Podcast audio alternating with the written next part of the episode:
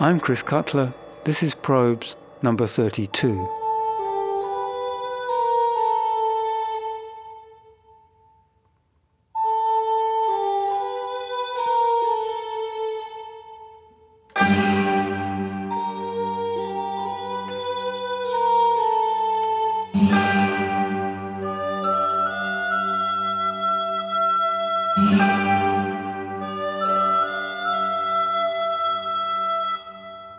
Last probe, we began to look at the way new instruments find their way into the world. Some take the standard path, through which everyday mutations and incremental improvements lead step by step to speciation. Others arrive from elsewhere and cross-pollinate. And a few are deliberately confected from scratch by composers, performers, and occasionally civilians for a whole smorgasbord of different reasons. The futurist Luigi Russolo, for instance, wanted to start entirely from scratch, proposing new sounds, new instruments, and a new aesthetic. While the Californian composer Harry Partch's motives were less extreme. He invented instruments because it was the only way he could explore his musical ideas. Unlike Russolo, Partch was inspired by the richness of the past, not the urge to aestheticize a machine-haunted present and where Russolo was motivated by machines, Partch drew his aspirations from the expressive microtonality of human speech, which he hoped instrumentally to imitate. That's why in the late 1920s he abandoned equal temperament, that's standard Western tuning, and elected instead to derive his scales directed from the natural harmonic series. Since this is potentially endless, he chose to stop at the 11th harmonic, giving him a scale of 43 notes to the octave. Since only fretless string instruments and trombones can accurately reproduce such pitches, he was obliged to design and build the other instruments he needed himself, although he came to that solution slowly. First, he just adapted instruments that already existed, starting in 1930 with his adapted viola, a normal viola with an elongated neck onto which he grafted the fretboard of a cello. Two adapted guitars followed, one with six strings and one with ten, both of them designed to be played with a glass or metal slide. But inevitably, as his compositions grew more ambitious, so did his need for more varied sonorities. So in 1941, he built his first chromelodeon which was essentially a retuned 73-key pump organ. Here it is with the adapted viola and a kithara. This is taken from the beginning of Dark Brother, written in 1943 and recorded two years later.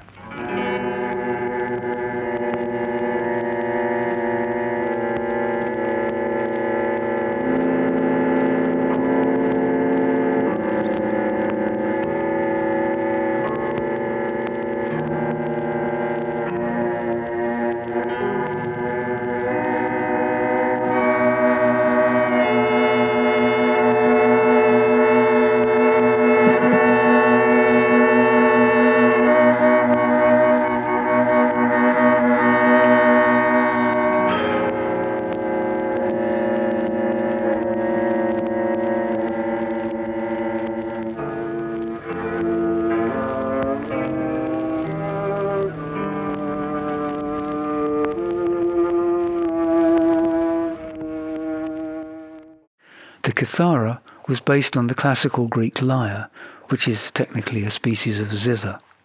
Partch built it in 1938, and it was the first of his instruments to be created from scratch. The next was the diamond marimba, completed in 1946, which was soon joined by a variety of other marimbas, including three made from bamboo tubes and one of light bulbs. There was also the huge two and a half meter Quadrangularis Reversum, an 11-note bass marimba, and the marimba eroica, which reached down to an F below the lowest note on a piano.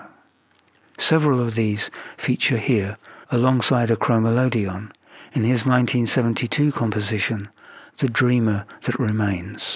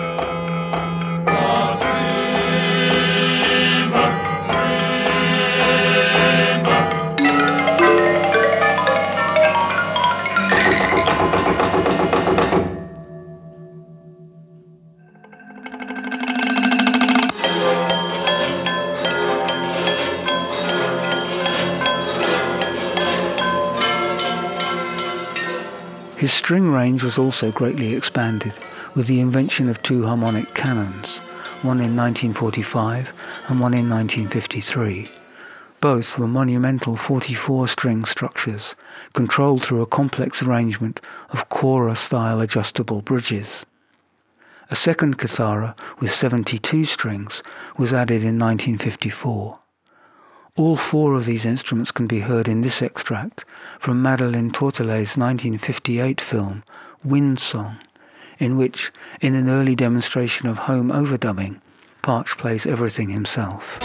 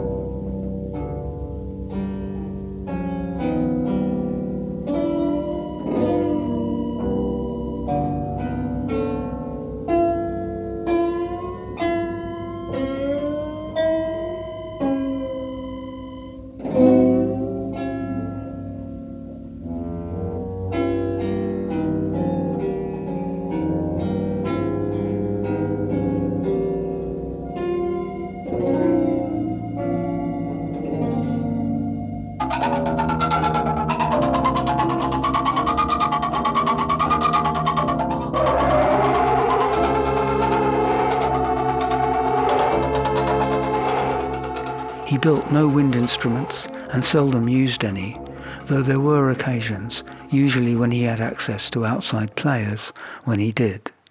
Here's a short extract, for instance, from Scene 8 of The Bewitched, which was written for a large ensemble at the University of Illinois between 1952 and 1955.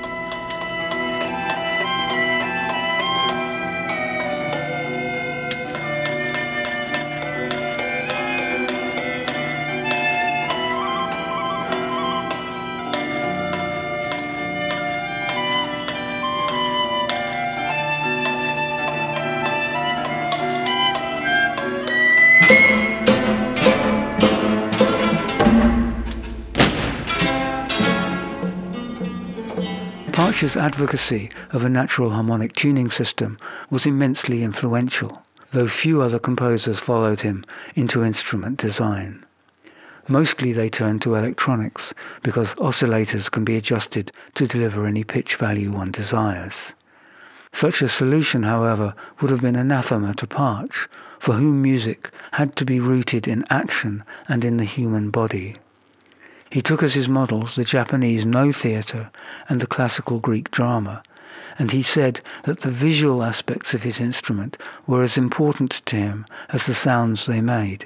Indeed, he designed them in such a way as to oblige his performers to move aesthetically as they played. When he died in 1974, Partch left an impressive body of compositions which unhappily no conventional orchestra could play. And although much of his work survives on record, it survives only as disembodied sound, forever constrained by the technological standards of its time. Performance remained possible, but only while the original instruments survived, and already by the end of the decade they were becoming too fragile to travel. This is a worrying reality for any composer who sets out on this road. Imagine if Mozart could only be played on Mozart instruments.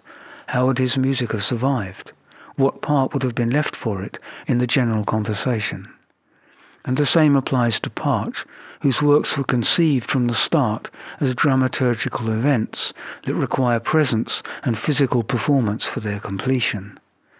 This is work, arguably, whose days of influence may still lie in the future.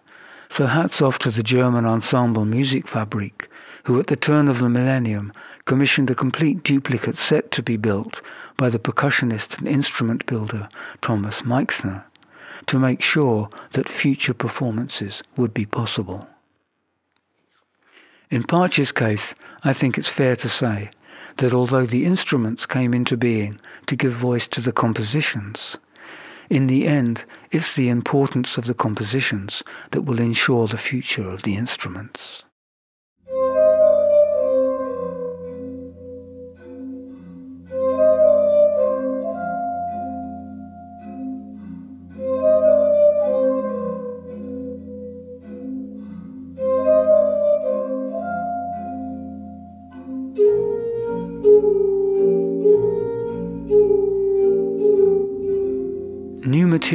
And forgotten technologies both played a part in the invention of another huge family of original instruments that were produced in France by the brothers Francois and Bernard Baschet starting in the late 1950s. Unlike Russolo or Partch, the brothers had no philosophical or musical problems to solve, nor indeed did they have any particular conception of music in mind. So in their case, the music was obliged to follow where the instruments led. As a folk musician in the early 1950s, Francois had invented a guitar with an inflatable body to have something light and manageable to take with him around the world. On his return to Paris, he began to experiment at home with more unconventional technologies. His readings eventually led him to the euphony, an instrument made of glass, iron, and water that had been invented in the 18th century by the German physicist Ernst Florenz Friedrich Chladni, but had never really found its place in the musical world. The brothers revived and adapted its technology to serve new ends. It's a pattern we'll see repeated in this program. Ernst Chladni pioneered the study of meteorites and became famous for his groundbreaking work on acoustics and the visualization of sounds, in which he dramatically extended innovations introduced a century earlier by the British polymath Robert Hooke. In 1791, inspired in part by Benjamin Franklin's glass harmonica, he invented the euphony, an instrument in which moistened fingers were used to stroke glass rods which in turn induced ethereal sounds from pitched metal rods. Although Chladni demonstrated his invention all over Europe, no musician or composer adopted it until the Baschet brothers brought it back to life in the Crystal Baschet. Early crystal Baschets also used air-filled bags as resonators, but soon the brothers shifted to the elaborate and futuristic shaped metal sheets for which they are now best known. More instruments followed, especially percussion instruments, to augment the eerie singing tones of the crystals. In 1955, the brothers enlisted two trained keyboardists, Jacques and Yvonne Lasry, and formed the Structure Sonore Lasry Baschet a performing group that embarked on a program of concerts, film scores, and recordings that occupied the next 15 years.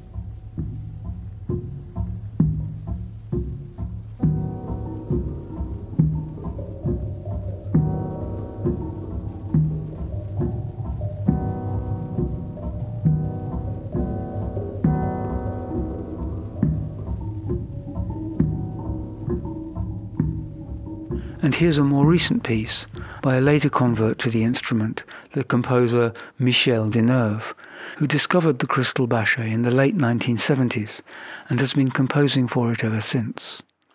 This is from his Eranon for three crystal Baschets and voices, composed in 1981.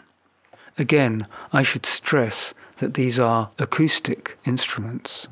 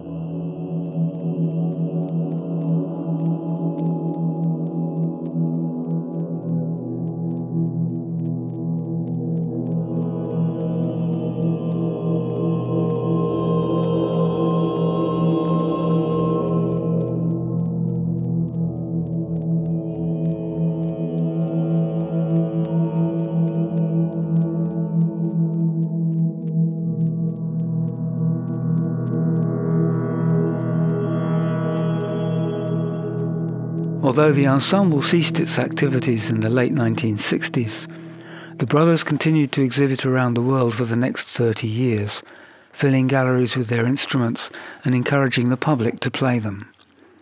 The art world was enthusiastic, and there were commissions for sculptures, bell towers, clocks, and fountains, as well as a string of gallery exhibitions, but the music world had already lost interest, and no substantial repertoire emerged to ensure the instrument's musical survival. That said, every British child of a certain age will immediately recognize this. The Granada television theme music for the popular children's film series Picture Box, first broadcast in 1966, which was all played on Baschet instruments.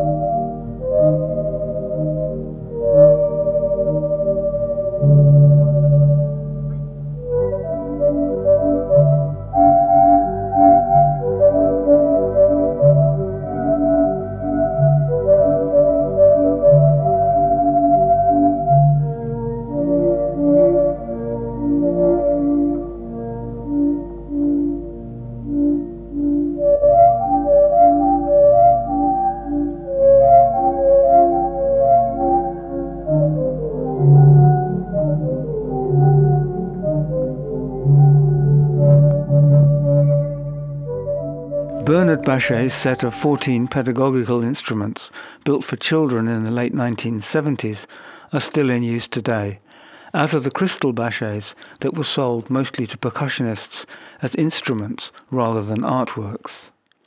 But like Russolo's Intonarumori, there's no essential repertoire and no permanent ensemble that can guarantee them more than a footnote place in musical life.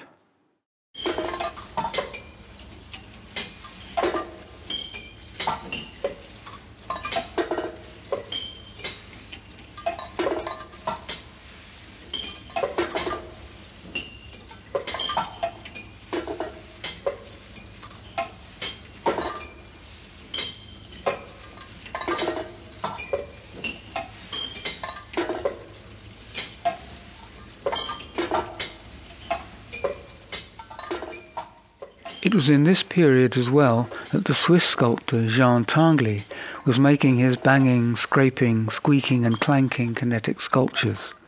Most famously in 1960 in his 750 square meter auto-destructive homage to New York.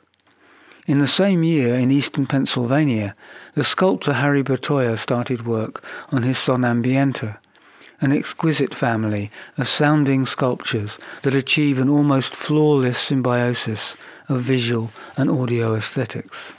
This is from the only record released in Bertoia's lifetime, Sonambiente, from 1970.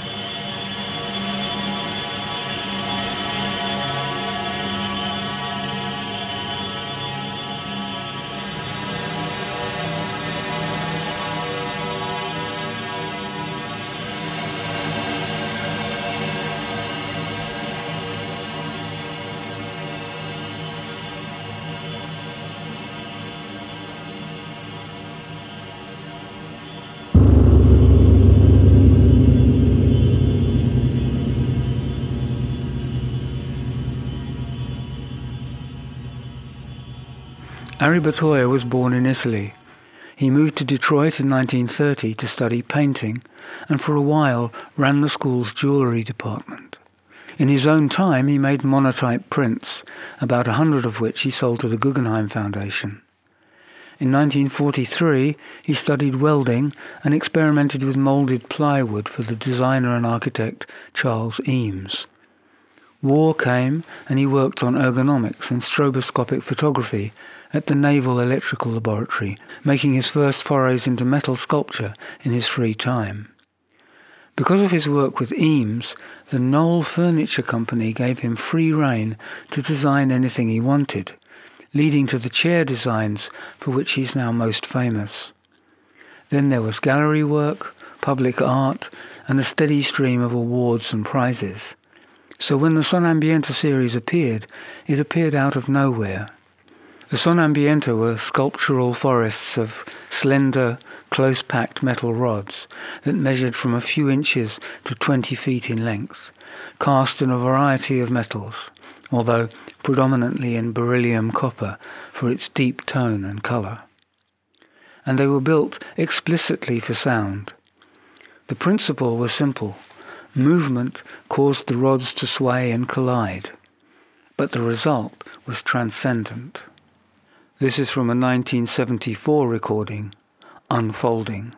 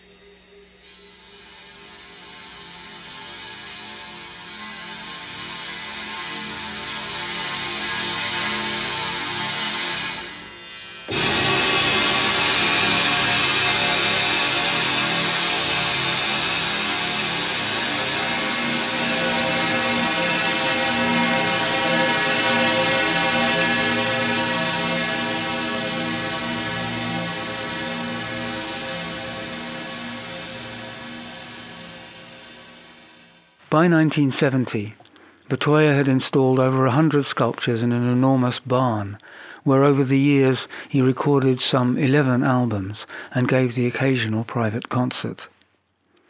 Unlike the Baschet sculptures, Bertoia's don't even try to function as conventional instruments. They aren't serially pitched, and you can't compose conventional music for them. He called them tonal sculptures. And where the Baschets wanted to make instruments and researched alternative sounding technologies, it seems that Harry came across his sounding principle by chance and then spent the next decades refining and exploring it.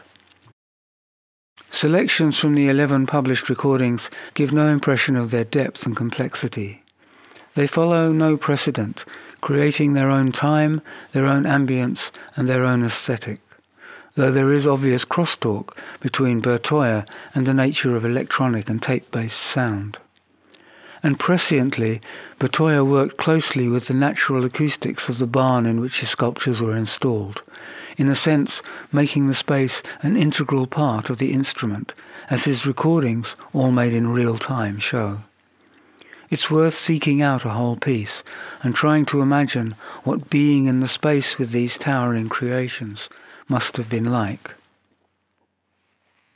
The sculptures remain together in the care of the family, who are looking for a permanent exhibition and concert space so that they can continue to be seen and heard as the artist intended.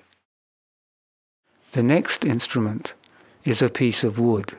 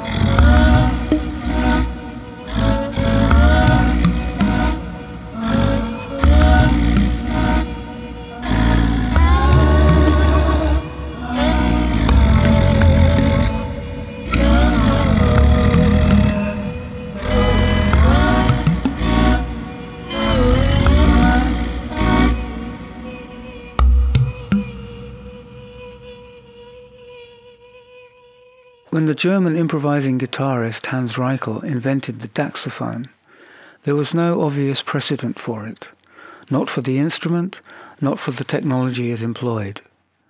An accomplished craftsman, Reichel had already built a small menagerie of guitars, each of them specifically designed to support a particular technique, or to produce sounds beyond the vocabularies of existing instruments.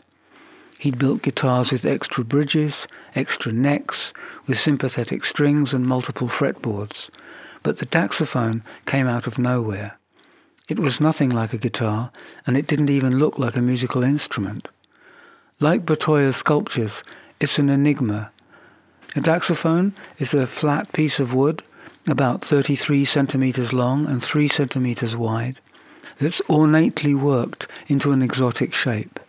It's fixed at one end to a stand, with the rest projecting free like a diving board parallel to the ground.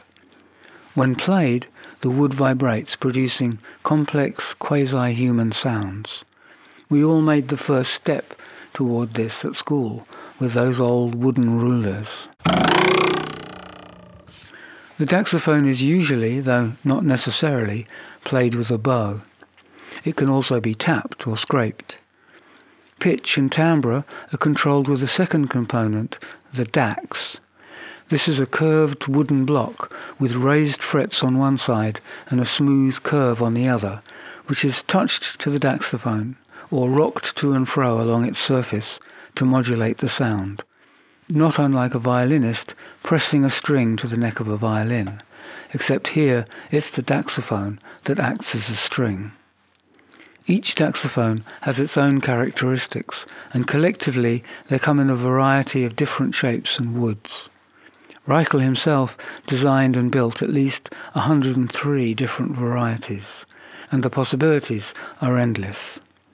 And every new shape will produce a new vocabulary of sounds. Here's Hans with multiple daxophones, taken from his 2002 CD, Yuxo, a new daxophone operetta the record which established the daxophone as a truly musical instrument. This is Street Song for multiple daxophones, recorded in 2002.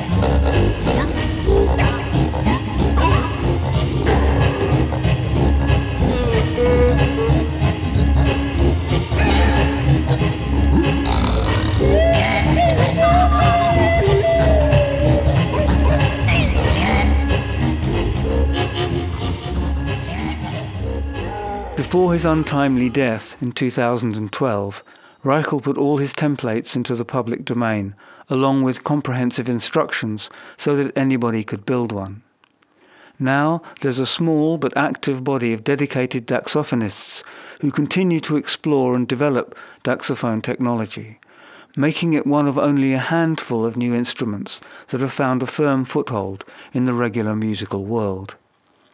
Here's the Japanese guitarist and daxophone player Uchihashi Kazuhisa playing a solo daxophone on Opening Address of the King Pawn and Deep Roast.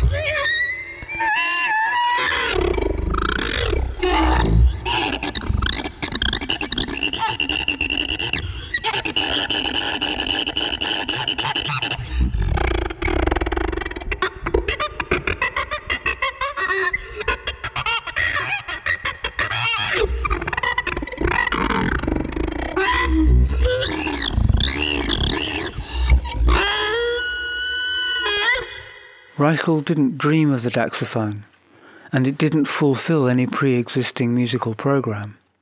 In fact, rather like Bertoia and the Sonambiente, he first chanced across it and then followed where it led. His motivation, we might say, was twofold. Firstly, to create an interesting problem for himself, and secondly, to force himself into a new aesthetics.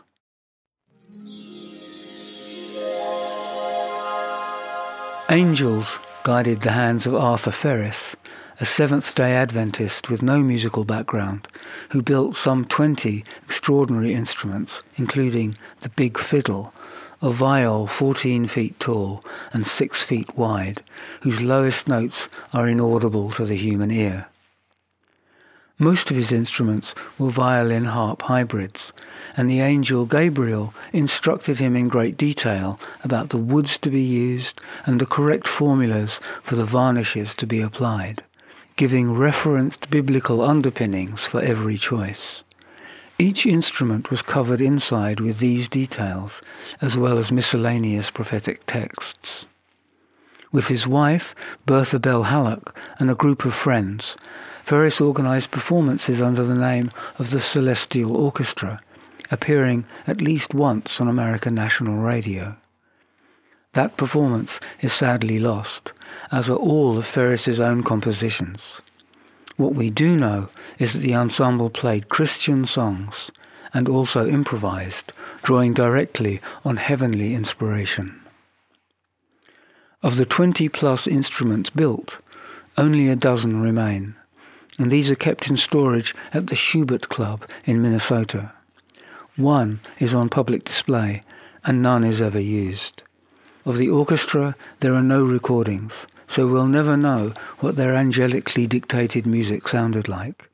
But by chance, on the occasion of the release of a CD celebrating the work of female composers, someone had the idea of taking four of these instruments out and recording with them.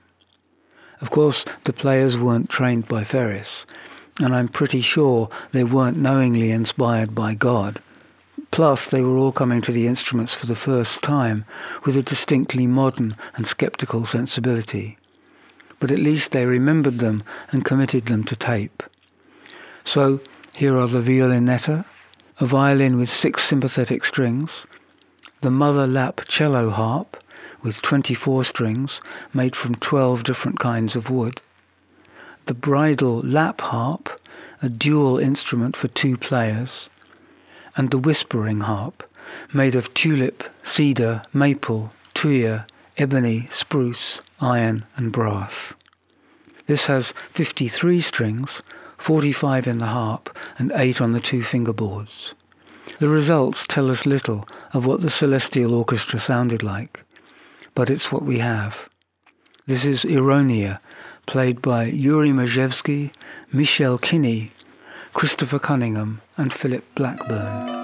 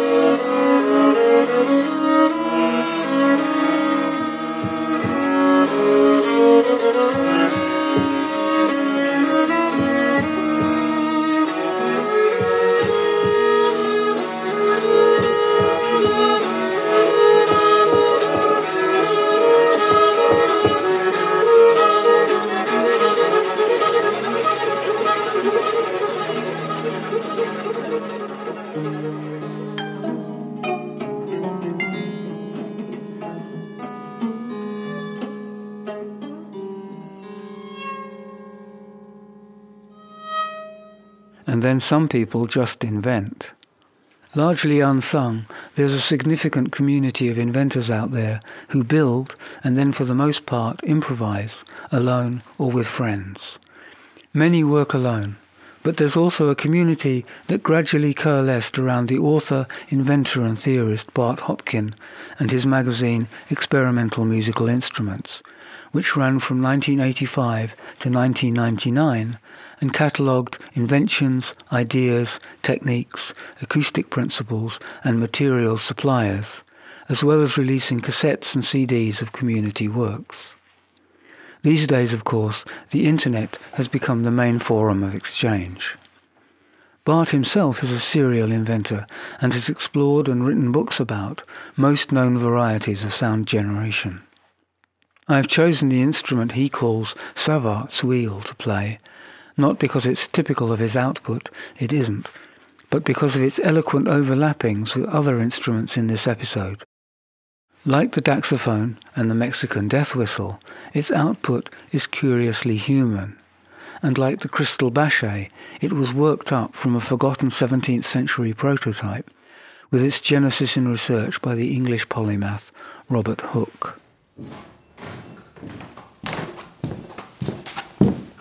Hooke was a true Renaissance man, the curator of experiments at the Royal Society, professor of geometry, chief surveyor of the City of London after the Great Fire, architect, builder of telescopes and microscopes, an early proponent of biological evolution, and a pioneer of fossil interpretation.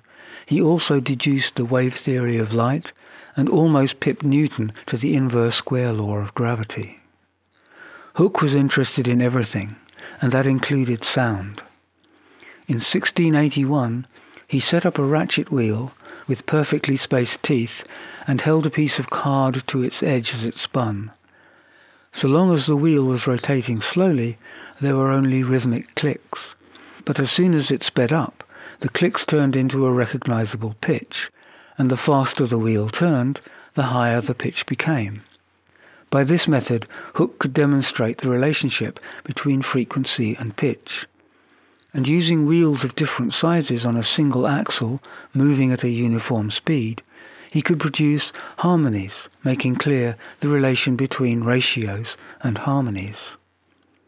A century later, the same technique was used by the French physicist Felix Savart in his researches into perception and what we would now call psychoacoustics and somehow it was his name that stuck. But then Hooke had always had appalling luck. This is Bart's 30-wheel musical adaptation of the technique, in which the card is replaced by a plectrum fixed to a styrofoam cup, which acts as a screechy sounding board. You may want to send the children out of the room for this.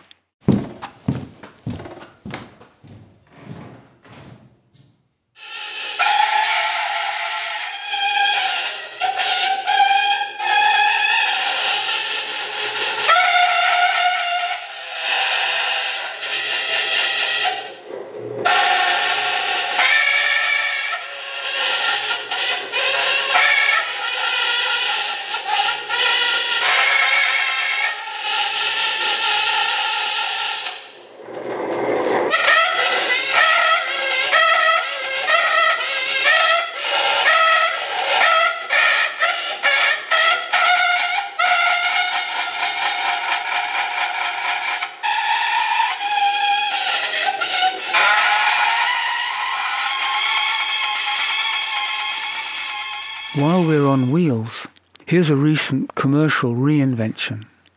One begins to see that some ideas never go away. This is a wheel harp, a kind of keyboard-operated hurdy-gurdy in which strings produce sustained tones when they're singly or collectively pressed against a rotating rosined wheel. Leonardo da Vinci designed something similar in 1488, only he called it an organista, and our new friend Michael Praetorius illustrated a working version of one in his Syntagma Musicum in 1575. A string of different iterations also popped up in the 18th century, although none found a place in the world of music. This latest attempt, was devised in 2001 by John Jones, himself a hurdy-gurdy player, and was commercially refashioned in 2010. It's a beautiful thing, but a five-octave version will set you back $15,000.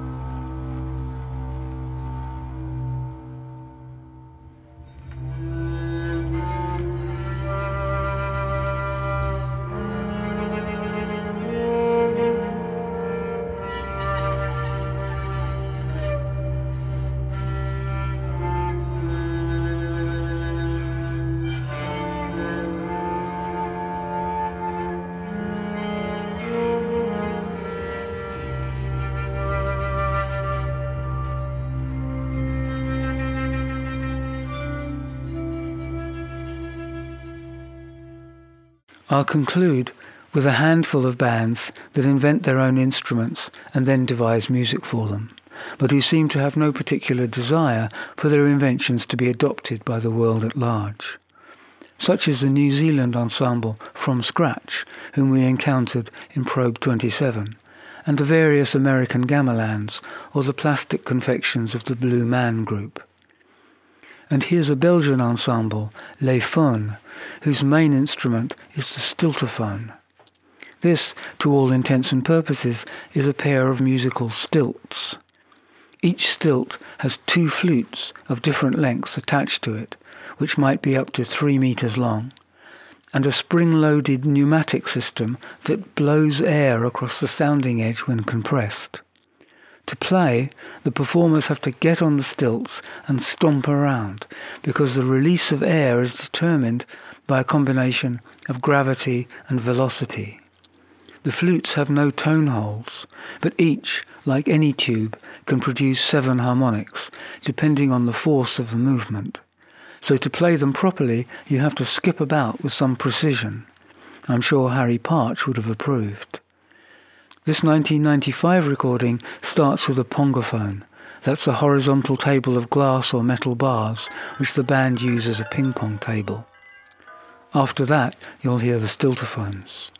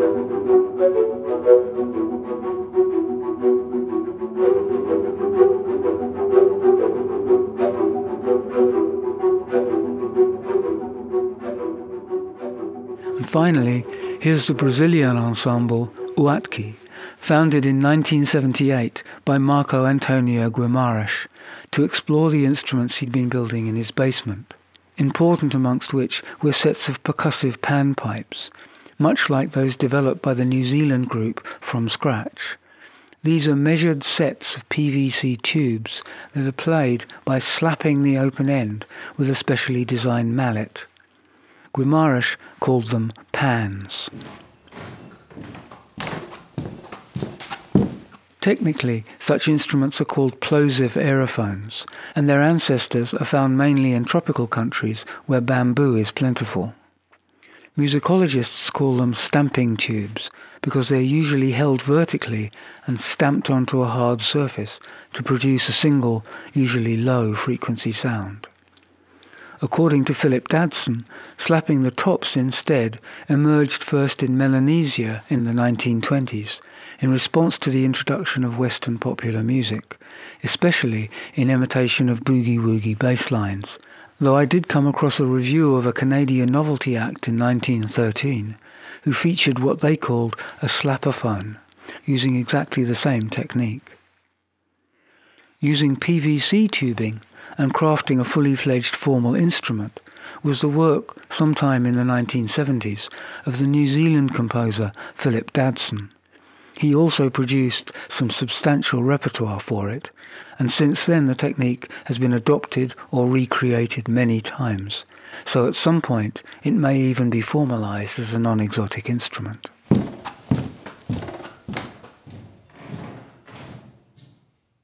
Here's Uakti with a few of their invented instruments, including the PVC pipe pans. This is Arumacau.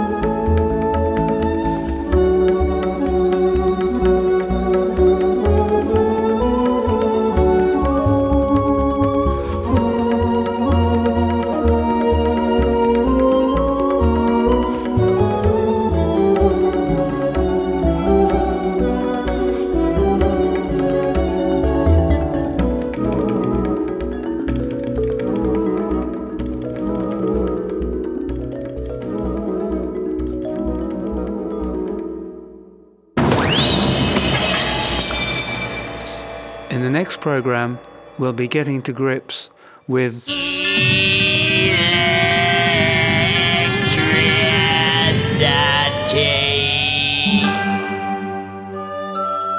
I'm Chris Cutler. This has been Probes.